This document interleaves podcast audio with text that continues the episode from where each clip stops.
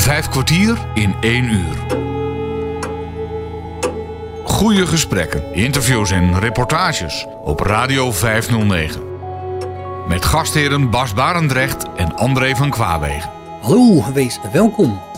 Niemand is hetzelfde, iedereen is uniek. En dat geldt voor je persoonlijkheid, je lichaam en ook voor je gezicht. Een standaardbril past de meeste dragers goed genoeg. Toch zit het nooit helemaal perfect. En als jouw gezicht wat afwijkt van het gemiddelde, dan vind je nooit een bril die lekker zit. De firma Maat gaat niet uit van een standaardbril, maar van jou als een uniek persoon. Dat zie je en dat voel je niet alleen, maar dat beleef je gewoon. Bas spreekt daar vandaag over met Jan Berends-Veerts. Maar eerst stelt Jan Berend zich aan je voor. Ehm, ik ben 52 jaar en ehm, ik ben geboren in Leiden, een hele tijd geleden inmiddels. Uh, ik ben als kind mijn zesde naar, met, met een ouderlijk gezin naar België verhuisd. Mijn vader werkte toen voor de NAVO en daar heb ik een jaar of negen gewoond. Ik noem dat omdat ik het belangrijk vind, omdat ik al eigenlijk vrij jong in contact kwam met andere culturen. Ik heb uh, op de Europese school gezeten, dus um, ik zat met kinderen die afkomstig waren uit Italië of Engeland of Frankrijk of Duitsland in de klas. En um, had leraren die uit Frankrijk of uit Engeland of uit uh, uh, Spanje kwamen. En um, dat maakt dat ik uh, in ieder geval mijn talen een beetje beheers. Maar ook dat culturen, andere gewoontes um, ja, niet fijn zijn om kennis te maken. En dat het niet vanzelfsprekend is wat we hier in Nederland allemaal meemaken. De laatste twee jaar van mijn middelbare school heb ik in Den Haag gedaan. Uh, toen ben ik nog uh, een jaar naar uh, onder andere familie in Australië geweest. Um, waar ik, Om wat te doen? Eigenlijk op een tussenjaar te hebben. Maar een oom van mij die heeft een hele grote schapenboerderij daar met 7000 schapen. En een heel stuk grond uh, waar onder andere uh, ja, allerlei soorten uh, haver en tarwe werd verbouwd. Dus daar mocht ik op die grote machines mocht ik meerijden. En, Geen wolf in de buurt? nee, er waren een heleboel andere dieren waar je echt wel voor moest oppassen, maar geen wolven inderdaad. Um, en um, ja, een prachtige tijd natuurlijk. Maar ook weer met andere culturen. Dus dat is voor mij echt wel ook een, een rode draad in mijn leven. Samen met techniek. Ik ben naar Delft gegaan en ik heb elektrotechniek in Delft gestudeerd. Hoe oud was je toen? Ik was toen 19 toen begon. Um, en uh, heb dat uh, zes jaar gedaan. Je ouders die bleven ook in Nederland wonen? Mijn ouders hebben de laatste... Ja, die hebben nog in Nederland... Toen ik klaar was, uh, hebben ze, zaten ze nog in Nederland. Maar um, die zijn midden de jaren 90 naar Luxemburg verhuisd. Um, ook voor het NAVO-agentschap te werken. En daar is mijn vader in Luxemburg in 1999 overleden helaas. Zeer plotseling. Dus het was een ingrijpende uh, uh, effect op mij. Um, je hield van je vader? Veel? Absoluut, ja. absoluut. Heel veel. We hadden een heel uh, hecht gezin. En um, het maakte voor mij belangrijk om ja, wel te kiezen voor waar je graag, wat je graag wilde doen. En om weer een heel klein beetje de stapjes terug te nemen naar mijn Delft, ben ik bij KLM begonnen. Um, dat vond ik heel intens. Daar heb ik uh, in de, uh, bij de technische dienst gewerkt. Uh, twee jaar in de motorenafdeling en een jaar bij vliegtuigonderhoud. Dus dat, Sleutelwerk? ik was teammanager uiteindelijk van een, de motorenafdeling. Dat zijn die jongens die die enorme vliegtuigmotoren uit elkaar sleutelen. En daarna hopelijk weer goed in elkaar zetten. Als alle onderdelen weer gemaakt zijn. En toen ik daar was, hoorde ik dat mijn vader overleed. En daar was ik toch wel even van slag. Uh, dus toen ben ik op een gegeven moment, omdat het allemaal wat veel werd, ben ik, uh, uh, heb ik een stap opzij gedaan van KLM. En ben toen bij Pinkelkade, een IT-bedrijf, begonnen. Maar eigenlijk was toen al het zaadje geplant van ik wil een keer in het buitenland wonen en werken. Met mijn vorige ervaringen vanuit België en mijn tussenjaar. Uh, en heb toen, uh, na twee jaar bij Pinkrokade gewerkt te hebben, uh, heb ik besloten om of naar Zuid-Europa of naar Zuid-Amerika te gaan. Toen was je achter in de twintig? Achter in de twintig inderdaad, ja. En um, toen heb ik um, besloten om Spaans te gaan leren in Spanje. En vandaar te kijken waar de wind me naartoe zou leiden. Dus ik heb in Barcelona een opleiding Spaans gevonden, een dagopleiding. Dat heb ik vier maanden gedaan. En het voetballen gekeken? En het voetballen, ik ben veel in Kamp Nou geweest inderdaad. Ja, ja, ja absoluut. En uh, ja, de bergen zijn dichtbij, dus ik heb ook een paar keer kunnen skiën en uh, nog andere leuke dingen gedaan. Dus uh, ja, heel veel... Genoten. Ja, een prachtige stad is Barcelona. Echt heel fijn. En daar ben ik ook tegen mijn vrouw aangelopen. Die, um, haar vader is Nederlander en haar moeder is Braziliaans. Um, en we hadden een goede klik, dus dat was heel gezellig daar. En um, toen ben ik, zijn we daar getrouwd en we hebben twee dochters gekregen in Barcelona. Ik ben begonnen bij Axel Nobel lokaal. En heb daarna een eigen bedrijf gehad in, uh, in Spanje, een webshop. Wat heb je bij Axel Nobel gedaan? Uh, ik heb daarvoor wat hier de Flexa verven zijn voor de consument. Ja. dat heet in Spanje Bruguer. En daar was ik ehm, de marketingmanager voor, voor de meer specialistische lakken en ehm, andere ja, specialistische verven eigenlijk. Uh, dat heb ik een aantal jaar gedaan en toen ben ik, heb ik een eigen bedrijf opgericht op het gebied van webwinkels. Dus daar heb ik veel internetervaring op gedaan. En, heb je meerdere webwinkels gerund? Ik heb één webwinkel gerund en, en dat ging goed. alleen toen kwamen we richting 2008, 2009. Um, en toen zag je het allemaal in elkaar zakken. En bovendien had mijn uh, dochter die werd toen bijna vier.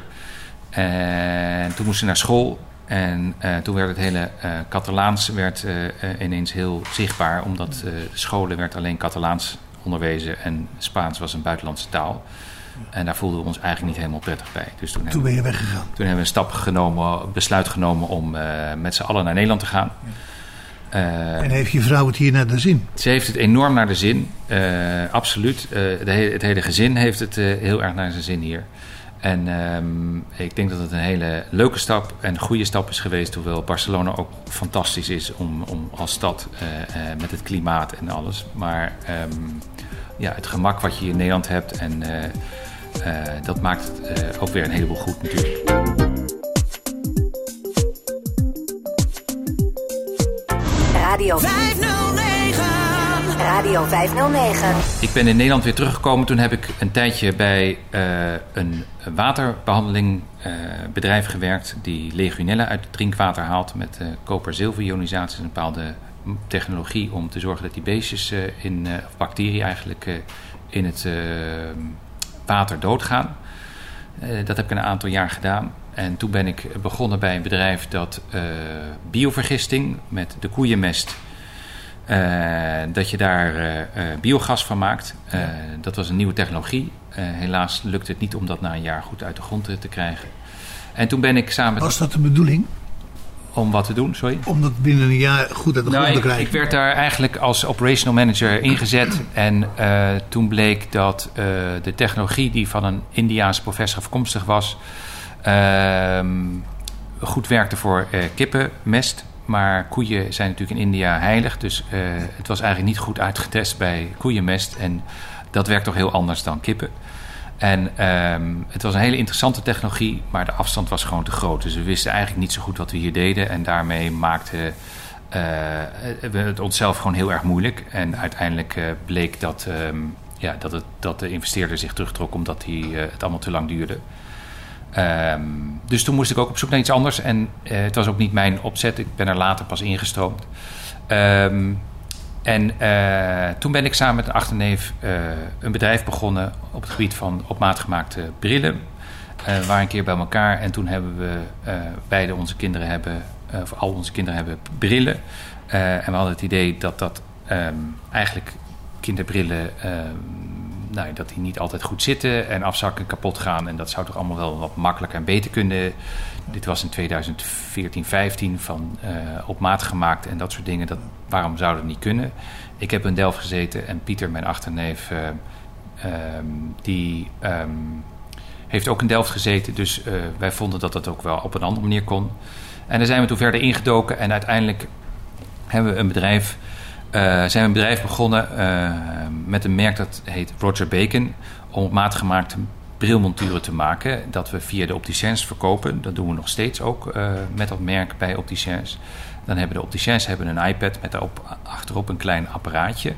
waarom met het apparaat en de iPad loop je om iemand heen. En dan heb je vervolgens het gezicht en het hoofd helemaal in de computer. En dat maakt het mogelijk om het brilmontuur met een beetje magie van onze kant helemaal aan te passen aan het, het, het gezicht. En dan heb je eigenlijk een heel mooi model. En heb je nu de indruk dat je de eerste 40 jaar van je leven nuttig bezig geweest bent? Nu je dit doet? Ik, uh, uh, ja, nuttig vind ik een lastig woord. Ja, ik zocht ook naar het woord hoor. Maar... ik heb in ieder geval een fantastische tijd gehad. En ik heb zeker uh, heb ik, de, de ervaringen en mijn technische affiniteit kan ik heel goed gebruiken in wat ik nu doe. En wat, echt een God, wat echt een geschenk is, is dat wat ik nu met maatbril doe. Um, waar we zo meteen nog veel verder over zullen uitweiden. Maar wat ik nu met maatbril doe. Um, dat ik daar zoveel mensen zo ongelooflijk goed mee kan helpen en zoveel blij maak. Um, dat vind ik echt iets heel bijzonders. voor mij is de uitdaging om technologisch of technisch iets goed te krijgen. Dus die glazen moeten op de juiste manier voor je ogen komen. Daar hoort een montuur omheen om dat te doen. En niet ieder hoofd is daar geschikt voor. Dus daar moet je soms hele uh, nou, interessante aanpassingen doen. Uh, dat is voor mij interessant. En dat je vervolgens nog iemand krijgt die zegt: Je hebt mijn leven echt intens uh, veranderd en verrijkt. ja, dan vind ik dat heel bijzonder.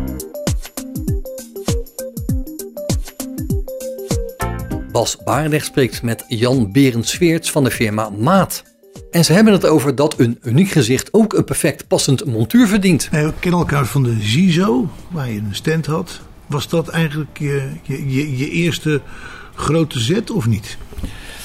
Nee, um, uh, op het gebied van brillen sowieso niet. Want we hebben ook, uh, je hebt een hele grote brillenbeurs in uh, Parijs, de Silmo.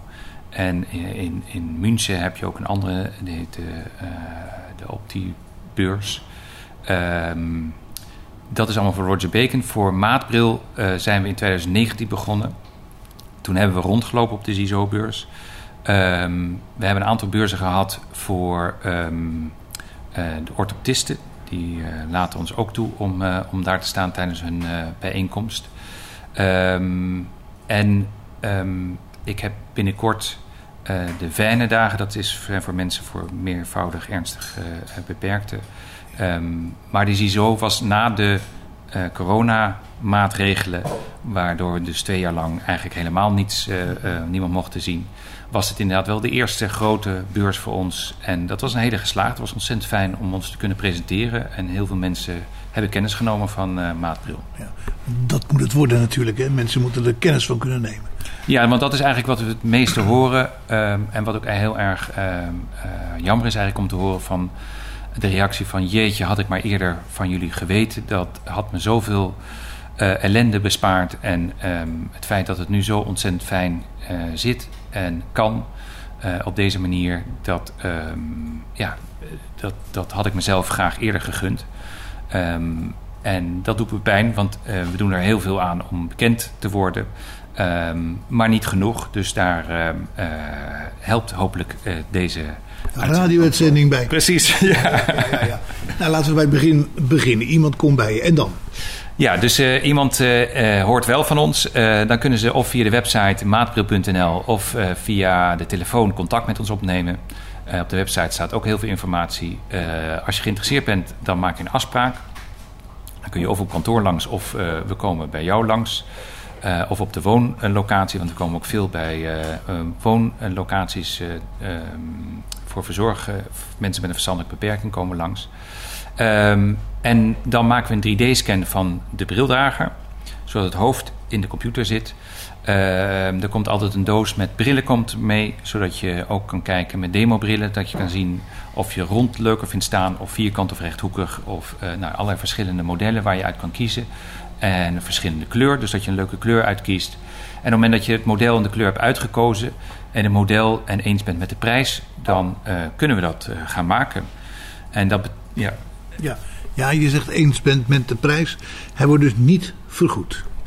Uh, nou, vergoeding is, is weer een tweede. Uh, je hebt natuurlijk altijd je aanvullende verzekering als je dat hebt, maar daar zit een brilvergoeding in. Um, dat is vaak is dat niet voldoende om de bril te kunnen betalen. Um, in Nederland hebben, is het zo geregeld dat brilmonturen en brillenglazen niet vanuit de basisverzekering vergoed worden, tenzij je aan een bepaalde eisen voldoet. En dat betekent dat je of een hele hoge sterkte hebt, voor kinderen is dat meer dan plus of min 6, of dat je een hele hoge cilinder hebt van meer dan min 4. Um, uh, en in hele specifieke gevallen, als je achromatopsie hebt, dus kleurenblind bent, of als je albinisme hebt, dan kan het zijn dat uh, verzekeringsmaatschappijen uh, welwillend zijn om daarin tegemoet te komen en een gedeelte of een groot gedeelte van de bril te wel te vergoeden.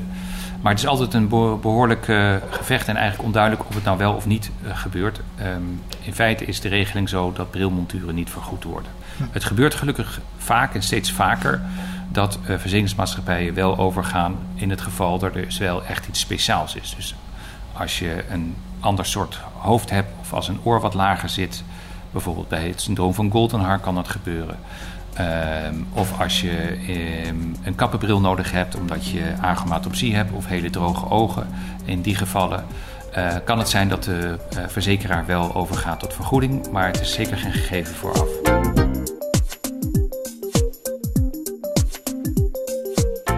Vijf kwartier in één uur. Dus op het moment dat uh, de verzekeraar heeft gezegd dat het kan, of als je zelf hebt besloten ik wil, het, uh, ik wil bril graag hebben, dan um, hebben wij de scan, we hebben het montuur wat je hebt uh, uitgekozen. En met een beetje magie van onze kant zorgen we dat aan, met name aan de binnenkant van het voorstuk jouw neus helemaal als een puzzelstukje gaat passen in het montuur.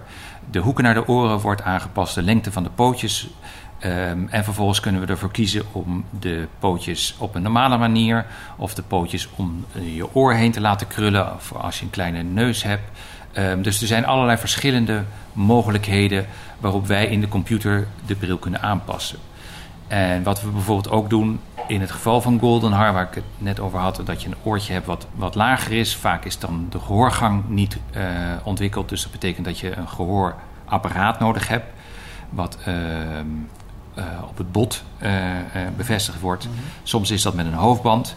Maar een hoofdband en een bril gaan niet goed samen. Dus wat we gedaan hebben is dat gehoorapparaatje in het montuur, in het pootje, hebben, kunnen we dat opnemen. Zodat als je de bril opzet ook meteen je het gehoorapparaat uh, opzet eigenlijk. Je gaat dan met de bril op aan de lader. Ja, precies. dat kan zomaar. Het kan natuurlijk kan het gehoorapparaatje ook eraf geklikt worden. Net zoals dat je bij de hoofdband hebt. Maar uh, het laat in ieder geval zien dat er een heleboel dingen mogelijk zijn. We helpen ook mensen die het Treacher-Collins syndroom hebben. En die hebben een zodanig vergroeiing van de schedel... dat ook de oren er niet aanwezig zijn en een heel, vaak heel groot achterhoofd. Uh, waardoor je op een hele andere manier de bril moet uh, vastmaken. Dus daar zoeken we eigenlijk de, de, de, stabiliteit aan de bovenkant van het hoofd. Er gaat dus een pootje vertakt naar de bovenkant van het hoofd. En uh, aan de achterkant van het hoofd, zodat het niet naar voren kan glijden. Dus eigenlijk zijn we telkens bezig om te kijken wat is er nodig en hoe kunnen we dat technisch het beste oplossen. Ja, daar ben je wel sterk in, denk ik. Ja, inmiddels hebben we daar veel ervaring in. Het, uh, ik moet ook soms zeggen van luister, uh, ik heb het nog nooit gedaan, maar ik denk dat het wel kan. Een beetje à la Pippi Langkous. Maar, um, en dan zeg ik ook bij, het is de eerste keer. Dus we moeten kijken hoe het gaat. Als het niet lukt de eerste keer, dan maak ik op onze kosten een tweede of een derde keer. Net zolang totdat we echt allemaal blij zijn. Want ik ben pas blij als de brildrager er echt profijt van heeft. Want anders heeft het geen zin. Dan kan je net zo goed een bril bij de opticien kopen, want dat zou dan hetzelfde resultaat zijn. Ja, je moet elkaar een beetje gelukkig maken. Je moet elkaar zeker gelukkig maken, dat is helemaal waar. Ja, dus uh, het gaat erom dat er uiteindelijk iemand mee geholpen is en daar doe ik hard mijn best voor. Ja. Nou ja, een bril, daar moeten glazen in. Absoluut. En wij doen zelf geen zichtmeting of oogmeting, dus het brilrecept dat leveren wij niet. Maar wij krijgen het brilrecept wat je of bij de opticien of bij de orthoptist bij, in het ziekenhuis of via de expertisecentra Bartimees of Koninklijke Visio kan laten uh, onderzoeken, zeg maar, je, je, wat je brilsterkte is. Heb je daar ook contacten mee met Bartimees en Visio? Ja, ja, ja we hebben een samenwerking met Bartimees en we werken ook met Visio. hebben we met verschillende mensen daar hebben we samenwerking of, of goede contact in ieder geval. En um, uh, we worden ook regelmatig nemen mensen contact op die via Bartimeus en Visio gehoord hebben over ons. Dus dat is ook heel fijn. En als het brilrecept bekend is, dan kunnen wij vervolgens een voorstel doen hoeveel de bril gaat kosten. Want de glazen maken natuurlijk een groot deel van de prijs uit. Ja. En ook in de glazen kunnen we een heleboel betekenen. Ze kunnen gekleurd zijn, ze kunnen enkelvoudig of multifocaal of bifocaal of met een prisma. Of ehm, we kunnen ook zorgen dat je eventueel nog een extra ehm, eh, zonnebril of extra hele donkere glazen ervoor klikt. Voor als je um, licht schuw bent, dus als je geen licht kan verdragen. Dat je dan nog extra beschermd wordt tegen de zon op het moment dat die er is. Mhm. dus eigenlijk is het telkens kijken wat is er nodig, hoe ga je om met licht of met andere dingen en wanneer voel jij het prettigst ehm, om te zorgen dat, je, uh, ja, dat de bril de, de zaken oplost waar jij tegenaan loopt. Vijf kwartier in één uur. Een standaardbril past de meeste dragers goed genoeg. Toch zit het nooit helemaal perfect. En als jouw gezicht wat afwijkt van het gemiddelde, dan vind je eigenlijk nooit een bril die lekker zit. De firma Maat brengt daar verandering in. Ze gaan niet uit van een standaardbril, maar van jou als een uniek persoon en zorgen voor een echt passende bril. Bas Barendrecht spreekt daarover met Jan Berend Sveerts. Op Radio 509. Geef eens wat voorbeelden van het maken van brillen. Nou, we, doen bijvoorbeeld veel uh, voor kinderen, ook volwassenen, maar, maar uh, met name kinderen met Down. Uh, mensen met Down-syndroom hebben vaak een kenmerkend wat ronder hoofd. kleine neus, lange wimpers en oortjes die vaak ook wat kleiner en lager zitten. En dat heeft tot resultaat dat gewone brillen, of het nou kinderbrillen zijn of volwassenen, die zitten mede doordat die oren zo laag, wat lager zitten, haken ze niet goed op de neus, dus die zakken af. Ehm, en als je ook nog lange wimpers hebt, dan raken vaak je, je, je wimpers ook nog het glas. Dat is super vervelend. En wij kunnen daar echt um, iets aan doen. We zetten, um, als we de bril maken, zetten we twee voetjes op de vorm van de neus. En onafhankelijk daarvan zetten we de voorkant met de glazen zetten we uit het gezicht en omhoog, zodat die uh, ver genoeg en hoog genoeg uh, die glazen staan.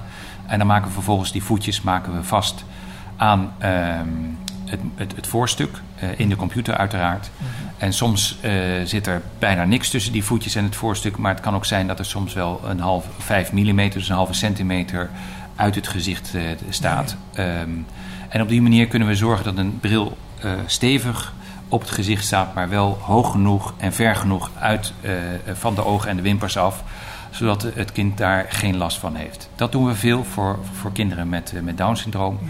Uh, en daar ga je ook naartoe, hè? Die mensen die zoek je ook op in de, in de ziekenhuizen. Ja, dus, dus kinderen met Down die hebben vaak één keer per jaar dat ze bij een ziekenhuis langs kunnen gaan. Die, daar zijn Down-polies. Uh, dan is er een dagdeel, een uur of vier, waar kinderen dan eigenlijk een aantal verschillende disciplines of specialismen uh, langslopen, omdat uh, ze een hoger risico hebben dat ze um, een aandoening of afwijking hebben. Dus ze komen bij de kinderarts, ze gaan langs de, de oogpolie, ze gaan vaak ook bij um, een fysiotherapeut of de KNO, soms de tandarts, um, de orthopedagoog. En op die manier krijgt de kinderarts een compleet beeld van hoe het kind ervoor staat. En kan dan ook gericht uh, advies meegeven uh, en soms therapie meegeven voor uh, de klant. En omdat die oogpolie erbij zit, zitten wij bij zo'n downpolie ook vaak op bij de oogpolie. Omdat als iemand met down, een kind met down een nieuw brilrecept meekrijgt of voor de eerste keer een bril nodig heeft, dan weet hij in ieder geval dat maatbril bestaat. En kunnen we tegelijkertijd, als de ouders dat willen, in ieder geval kunnen ze ook direct een scan laten maken en advies inwinnen over wat maatbril kan. Maar als iemand buiten de downpoly um, graag een bril wil, dan uh, kunnen ze ook met mij contact opnemen en kunnen afspraak maken om of thuis of op een andere plek uh, de scan te laten maken. Dat is dan. Ja, precies.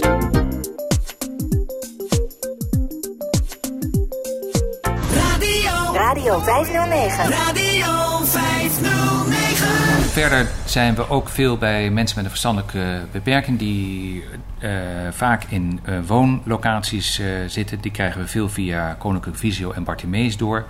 Je kan je voorstellen dat op het moment dat iemand mee moet naar een opticien, dat dat een hoop stress kan veroorzaken. Met name als de persoon zelf niet helemaal begrijpt wat er gebeurt. Eh, bij de opticien krijgt hij dan ook nog een aantal brillen op. Dat kan nog meer stress veroorzaken. Dus het kan zijn dat iemand na twee, drie brillen geen, eh, ja, gewoon die brillen meer wegdeelt en niets meer wil. Dus dan krijgt hij maar een bril. Ehm, en een bril op het moment dat hij niet goed zit, je hebt zelf een bril op. Uh, het eerste wat je wil doen als een bril niet fijn zit, is hem afgooien. Uh, dus het gebeurt vaak dat wij op plekken komen van mensen die of geen brillen willen dragen, of ze kapot maken, of met een, een, een woede-uitbarsting brillen stuk maken. Ja. Uh, en dan kunnen wij met de 3D-scan bij hun op de woonlocatie zonder stress al de bril opmeten. Dus eigenlijk het hoofd opmeten en daarmee ook weten hoe de bril eruit moet zien. En vervolgens komen we na een week of drie terug, zetten de bril op en dan uh, ja, um, zit die bril heerlijk. En dat is een ongelooflijk verschil ten opzichte van uh, als we bij de opticien langs Ja, gaan. heb je die ervaring met mensen? Ja? Ja, ik heb echt fantastische ervaring. Ook de begeleiding die echt zo ongelooflijk blij is met ons. Dat we op zo'n ontzettende fijne en uh, voor hun natuurlijk ook hele prettige manier bij hun langskomen. Uh, maar er zijn echt uh, een heleboel voorbeelden te geven van mensen die, uh, nou ja, met, tot aan zoenen die ik dan krijg toe.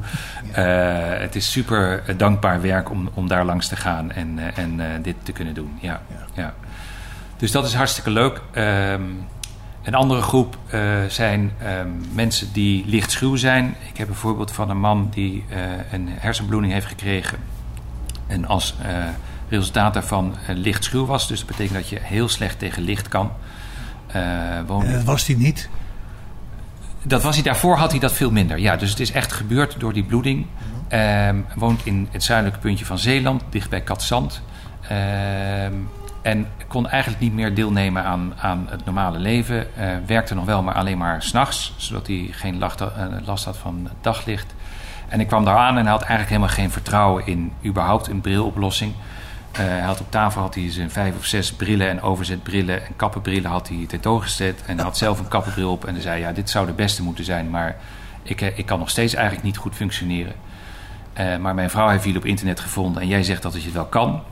Uh, dus, nou, overtuig me maar. Dus ik zei, nou, ik ben hier niet 2,5 uur naartoe komen rijden om... om Zonder resultaat Ja, om dit zomaar te laten zeggen. Dus ik zei, ik heb hier een bril bij me. Het is eigenlijk een damesbril met 99% lichtverduisterende glazen in. Met een kap die uh, op maat gemaakt is. Het was een beer van een vent, echt een grote man, groter dan ik, ook met een groot hoofd. Ik zei, probeer hem eens op te zetten. Die pootjes gaan alle kanten op, maar dat kan hij hebben. Zet hem even op en zeg wat je ervan vindt. Dus hij pakt dat brilletje, het is heel licht van gewicht, het is flexibel, het is heel fijn om te dragen. Hij zet hem op, past hem nauwelijks. Hij was even stil en hij zegt, jeetje, dit is fijn. Dit wil ik hebben. Kan je dat ook aan mij leveren? Dan zeg ik, ja, daarvoor ben ik hier. En, daarvoor heb ik 2,5 uur gereden. Precies. Dus, uh, en vervolgens was hij uh, om de dag uh, aan de telefoon. Ik zei, je moet me drie weken geven om het te kunnen maken. Want ik, ja, ik kan het niet meteen leveren. Hij wilde hem gisteren hebben. Hij wilde hem gisteren hebben. en hij had weer een inzinking na een week. Dus hij zei, oh, ik heb zoveel last en je moet me helpen, je moet me helpen. En hij, hield ook een, een, hij houdt ook een dagboek bij...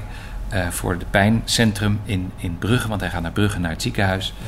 Ja. Uh, en hij scoorde tussen de 8 en de 10. 10 is ondraaglijk en 8 is heel hoog. Ja. En hij zei: ik, ik, ik, ik hou het echt niet meer vol, je moet me helpen. Dus na drie weken heb ik de bril opgestuurd en hij.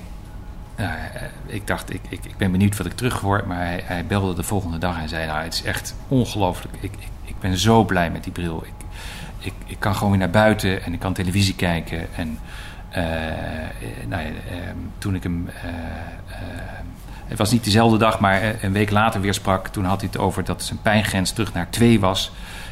en dat het echt ongelooflijk veel impact op zijn leven heeft gemaakt. Um, en dat merk ik eigenlijk steeds. Iedereen die last heeft van licht. Als het te veel licht is, zit er zoveel spanning in je lijf. om te zorgen dat je daar minder last van hebt. En op het moment dat ze een bril van ontzetten. dan zie je zo ontzettend duidelijk dat dit die spanning uit dat lijf gaat. Die schouders gaan naar beneden. En je ziet echt van, jeetje, dit is fijn. Dit, vind, dit moet ik hebben. Ja. Um, en dat is ook ongelooflijk om te kunnen zien en, en te ervaren. Dus uh, uh, dat is heel, heel erg fijn om te kunnen doen. Daar doe je het voor, hè? Ja, daar doe ik het voor. Ja, ja, ja, nee, absoluut. Dus dat is, eh, dat is een hele belangrijke groep voor mij. En daarvoor was ik onder andere ook voor de CISO-beurs.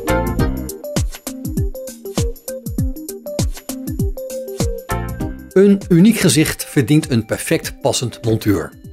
Bas Barendrecht spreekt daarover in deze vijf kwartier in een uur met Jan Berends Veerts van de firma Maat. Voor jou, Bas, hoop ik ook eh, met jouw lichtschuwheid door het albinisme eh, ook iets te kunnen betekenen. Eh, dat hoeft niet altijd permanent donkere glazen te zijn, maar die gaan wel kleuren op het moment dat er veel licht is. En de kap aan de zijkant van de bril, die zorgen dat het licht van de zijkant niet bij je ogen kan komen. En daarvan hebben we besloten om dat. eh, eh, die kap kan erop of eraf. Dus als je binnen bent en het is bijvoorbeeld eh, s s'avonds of het is schemerig, dan heb je die kap eigenlijk niet nodig. Dan kan je gewoon zonder kap kun je dat doen. Maar op het moment dat het licht is en eh, je last hebt van het licht, dan zet je die kap eromheen, ben je beschermd. En op die manier eh, ja, heb je veel minder last van je omgeving en kan je gewoon vol je aandacht hebben aan datgene waar je je aandacht op wil eh, focussen. Ja. Het bijzondere bij mij is dat ik dus begon met een kappenbril toen ik een kind was. Met een koordje om mijn hoofd en twee glazen eraan en een montuur eraan. En met, met, met, met iets met leer aan de zijkant en zo. Toen ben ik eh, op enig moment aan de contactlens geraakt. Ja. Omdat degene die die bril moest maken, wat best ingewikkeld was. eh, omdat het natuurlijk eh, hartstikke schadegevoelig was. Het waren hele dikke glazen. Glazen, echt glas. Dat dus niet door en door kon worden ge, ge- gecoat. Dus na een dag, omdat ik 50 keer per dag ongeveer die bril moest schoonmaken. Omdat er ook geen transpiratie weg kon. Ja, ja, ja. Hè, eh, zaten de eerste beschadigingetjes daar alweer op. En dat, met, zo ben ik dus aan de contactlens geraakt. Toen had ik contactlens. Toen dacht ik, jeetje, maar nou hoef ik dus niet meer zo'n bril met allerlei dingen aan de zijkant. Dat is ideaal. Nou, toen ben ik na 20 jaar, 25 jaar aan de eh, zachte contactlens geraakt. Doordat ik mijn oog wilde laten inkleuren bij Eddy van der Velde, die eh, eh, daar actief ook in het oogziekenhuis mee was. Toen is dat eigenlijk mislukt, want mijn oog die, die kon daar niet tegen. Dat stopte ermee. Dus, maar goed, allemaal op zijn pootjes terechtgekomen. Alleen die inkleuring is dus niet in zijn volledigheid geslaagd. En ja, dan kom je eh, jou tegen op de beurs. En eh, ja, dan heb ik zoiets van, ja, maar eigenlijk mis ik nog steeds toch weer die kappenbril. Want licht is zo'n ongelofelijke irritatie. Ik hoop dat als, ik, als mijn leven eindigt, dat ik niet in een hele lichte ruimte kom. Zo stel ik hem wel voor op een of andere manier. Maar ja, ik hoor iedereen erover. Maar... Precies. ja, nou, ehm, nee, ik hoor wat je zegt. Even denken. Ehm, ja, het, is, het is fantastisch, Bas, wat, wat we doen. En het is prachtig dat deze technologie van 3D scannen... en we maken de bril dus, dat heb ik nog niet over verteld... met 3D-print technieken. Dus hij wordt met eh 3D-print. Dat is altijd in het wit. En wij kleuren dan zelf eh, op kantoor... In Amsterdam kleuren wij de bril eh, in de kleur die, die is uitgekozen. Uh, we maken ook steeds weer nieuwe kleuren, dus dat is ook leuk om, om daarmee bezig te zijn. Uh, en andere modellen? En andere modellen, ja. Ik heb uh, een Italiaanse ontwerper uh, in dienst die bril ontwerpen en ook het hele maat maken doet hij. En, um, dus er komen ook steeds nieuwe modellen en die, datzelfde model hebben we dan van piepklein. Van zeg maar een klein babytje tot aan een enorme grote vent. En iedere keer komt het uh, uh, 3 mm, wordt die groter, breder, dus ook wat hoger. Maar het, het, het, type model blijft precies hetzelfde. Waar komen die modellen eigenlijk vandaan? Ja, we halen gewoon onze inspiratie uit, uh, uit uh, tijdschriften, uh, winkels waar je langs loopt. Kijken wat nu mooi is. Dus het was weer even allemaal groot en nu begint het weer wat kleiner te worden. Ja. Um, dus je probeert daar een beetje mee te gaan. Het was in de 60 jaren ook Zo, al groot. Ja, precies. Ja, Nana Mouskouri in de jaren ja, 60, ja, 70. Ja, klopt. Um, dus nou, dat zie je ook. Dat zijn allemaal golfbewegingen waar je uh, in meegaat. Um, maar de flexibiliteit wat uh, 3D ontwerpen en het 3D printen biedt, is, is natuurlijk ongeëvenaard. Dat brengt mij dan op de laatste groep, of eigenlijk er zijn nog veel meer, maar wat interessant is om te bespreken, dat zijn de mensen met een uh, echt een ander type hoofd dan waar een gewone bril voor gemaakt is. Ehm, zoals dus een oortje wat lager zit, wat we kunnen compenseren door naar dat oortje, dat pootje omlaag, verder omlaag te brengen, zodat het eh, toch kan steunen op dat oortje wat lager zit. Of eh, aan de bovenkant de steun te vinden, bovenop je hoofd. Ehm, of eh, ik heb een aantal mensen wiens neus geamputeerd is, omdat er een tumor in zat. Ehm, en dan heb je eigenlijk niet zo heel veel plek meer om een, een eh, bril te laten steunen. Dus er zat nog een heel klein bordje aan de bovenkant van je neus, is wel gespaard gebleven. Dus dan laat ik daar eh, de bril op steunen. Ehm, en ehm, de mensen hebben dan wel een plakneus of een kunstneus. ehm, eh, maar vaak is dat vervelend om de hele dag op te hebben, want dat gaat natuurlijk behoorlijk zweten aan de binnenkant. Eh, dus dan kunnen ze een bril ook nog, als ze thuis zijn en die neus niet op hebben, kunnen ze de bril ook nog dragen. Overigens wordt de bovenkant van de neus, eh, om daar de bril te laten steunen, wordt ook gebruikt bij mensen die in een rolstoel zitten en een ehm, hoofdsteun hebben. Want een hoofdsteun en een bril gaat ook vaak niet goed samen. Dan druk je toch de bril eh, van, je, van je neus af. Of je drukt de zijsteuntjes druk je tegen in je neus. Ja. Ehm, als je van Wat die... doe je daar dan? Nou, ja, dus, eh, als je, wat wij dus doen is dan de bril aan de bovenkant van je neus laten steunen, dus niet aan de zijkant. Dus als je met je hoofdsteun tegen je pootje aandrukt, dan verschuift je bril iets omhoog, zodat hij Ja. niet helemaal goed zit, maar hij drukt tenminste niet aan de zijkant van je neus. En als je dan weer loskomt van je, zij, van je hoofdsteun, dan zakt die bril weer netjes terug op je, op je gezicht. Ehm, en dat maakt dat, dat het, dat werkt eigenlijk heel erg goed. Dus hij mag wat verschuiven op het moment dat je er tegen aandrukt. Want als je dat niet gaat doen, dan is je hoofd de tegendruk. En dan veroorzaakt die ergens veroorzaakt die rode plekken. Wat je niet wil. Dus eh, je laat die bril eigenlijk meegaan met, eh, met de druk die de hoofdsteun uitvoert. Maar op het moment dat die druk weg is, dan zakt die weer keurig terug op je neus. En dan kan je weer heel goed zien.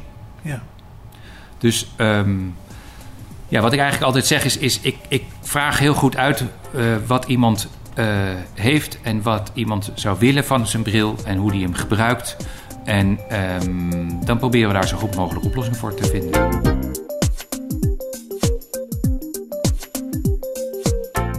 Radio 509. Vijf kwartier in één uur. De toekomst, want we hebben nu het hele verhaal zo'n beetje gehoord over wat er momenteel is.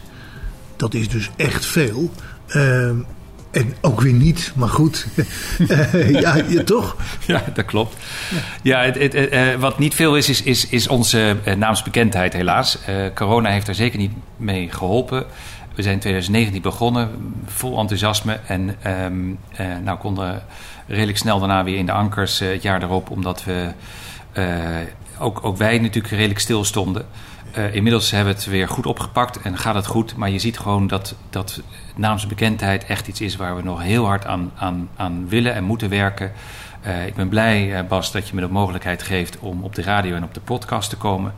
Ehm, maar ehm, ja, het, het, het, het, gaat erom mensen. eh, ik hoop dat mensen gewoon weten dat maatbril bestaat. Wat de mogelijkheden, eigenlijk is er niets onmogelijk. Ehm, en ehm, weet dat we een alternatief kunnen zijn voor de opticien. Je mag natuurlijk altijd naar je eigen opticien gaan of degene in je dorp. Maar weet ook dat er iets anders is wat iets biedt wat je opticien niet kan bieden. Eh, en dat is maatbril. Ja, want die opticien in het dorp, die komt toch ook bij jou terecht? Eh, ja, maar er zijn er nog heel weinig die dat doen. Eh, wat je ziet is dat eh, veel ehm, ook niet van mij weten, helaas. En ehm, er soms nog wel eens een discussie is eh, wie dan wat mag leveren. Dan willen zij graag de glazen leveren. Maar goed, een deel van mijn eh, businessplan is natuurlijk geënt op het feit dat ik zowel het glas als de bril lever. Wordt het montuur weer duurder? Ja, dus of ik moet het montuur zo duur maken dat ik me alles doe, maar dan is het niet meer leuk eh, voor degene die dat gaat. Dus dat, dat schiet dan niet op. Dus ehm, eh, terwijl ik het idee heb dat een opticien, op het moment dat hij iemand goed kan doorverwijzen, daar ook de vruchten van plukt voor degene om zo'n eh, cliënt heen, om zo'n klant heen. Want die zijn, deze ene persoon is dan goed geholpen bij maatbril. Maar de rest weet, als ik naar die opticien ga, dan weet ik zeker dat ik goed geholpen word. Ja. Waar dat ook mogen zijn. Maar dan kan hij toch blijven komen, maar dan kun jij toch de bril maken en dan kun je hem toch een percentage daarvan geven?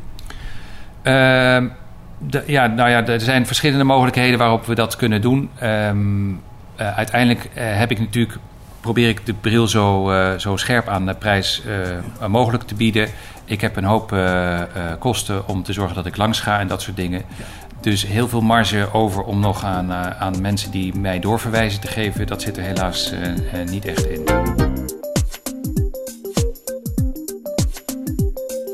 Welke mogelijkheden hebben we nog meer om bekend te worden? Nou ja, dus, eh, eh, we zijn heel erg bezig ook om onze naamsbekendheid bij de ehm, orthoptisten en oogartsen en ehm, de mensen die te maken hebben met afwijkende schedelvormen. Ehm, om daar bekendheid te vergroten. Eh, dat is een beroepsgroep die ehm, ehm, in ieder geval best makkelijk te identificeren is, maar wat lastiger te bereiken. Eh, niet allemaal zijn ze ook bereid om te luisteren dat je bril verkoopt, want daar hebben ze natuurlijk, ze zitten op hun specialisme en daar is brillen eigenlijk maar een afgeleide van. Ehm, en verder zijn we natuurlijk bij allerlei verschillende beurzen. eh, Facebook en eh, Instagram eh, doen we heel veel mee. We zijn ook bekend bij de wat meer geslotere, ehm, bijvoorbeeld bij de Down. mensen, of, ja, ouders die kinderen hebben met Down, hebben allerlei verschillende Down Facebook groepen die gesloten zijn, waar we niet in mogen adverteren. Eh, terecht ook, maar waar onze naam wel bekend is. En dat is bijvoorbeeld ook bij agromatopsie, dus kleurenblindheid, zijn we ook eh, goed bekend. Ja, en Visio Bartimeus dan. En Viso Bartimeus uiteraard ook. Ja, klopt. Ja, Ja, ja. ja. dus die verwijzen ook actief door naar eh, maatbril. Als alternatief voor je opticien. Ja. Wat weten we nog meer te vertellen? Dat ik eigenlijk ongelooflijk blij ben dat ik hier uiteindelijk in ben gerold. En dat ik zo ongelooflijk veel plezier haal uit mijn werk. Eh, en dat ik dankbaar ben dat ik zoveel mensen ook mag en kan helpen. Ehm, en dat ik hoop dat ik middels deze eh, radio-uitzending weer een hele hoop nieuwe mensen eh, krijg die geïnteresseerd zijn. Die weten wat ze kunnen verwachten als ze bij Maatbril komen. Namelijk dat ze eh, geholpen worden met hun aandoening, afwijking, beperking door, ehm, nou, door verschillende redenen. Dat kan zijn eh, dat je een afwijkende hoofd eh, eh, hebt of eventueel lichtschuw bent of last hebt van droge ogen of wind of ehm, wat het ook zij. Neem contact op, bespreek het met mij en kijken hoe we verder daar een oplossing voor kunnen verzinnen. Ja. Via internet www.maatbril.nl Ja, dat klopt. En, of telefonisch 020 30 80 150. En we komen door heel Nederland. Het is dus duidelijk, een uniek gezicht verdient een perfect passende bril.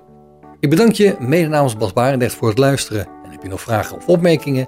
Of wil je zelf eens aan het woord komen? Of weet je een onderwerp waar Bas achteraan kan gaan? Dan kan je een mailtje sturen naar bas.radio509.nl Dit programma is ook te beluisteren via de podcast van deze zender. Geniet van de rest van deze dag, blijf luisteren naar Radio 509 en tot een volgende keer. Vijf kwartier in één uur is een programma van Bas Barendrecht. Techniek André van Kwaabegen.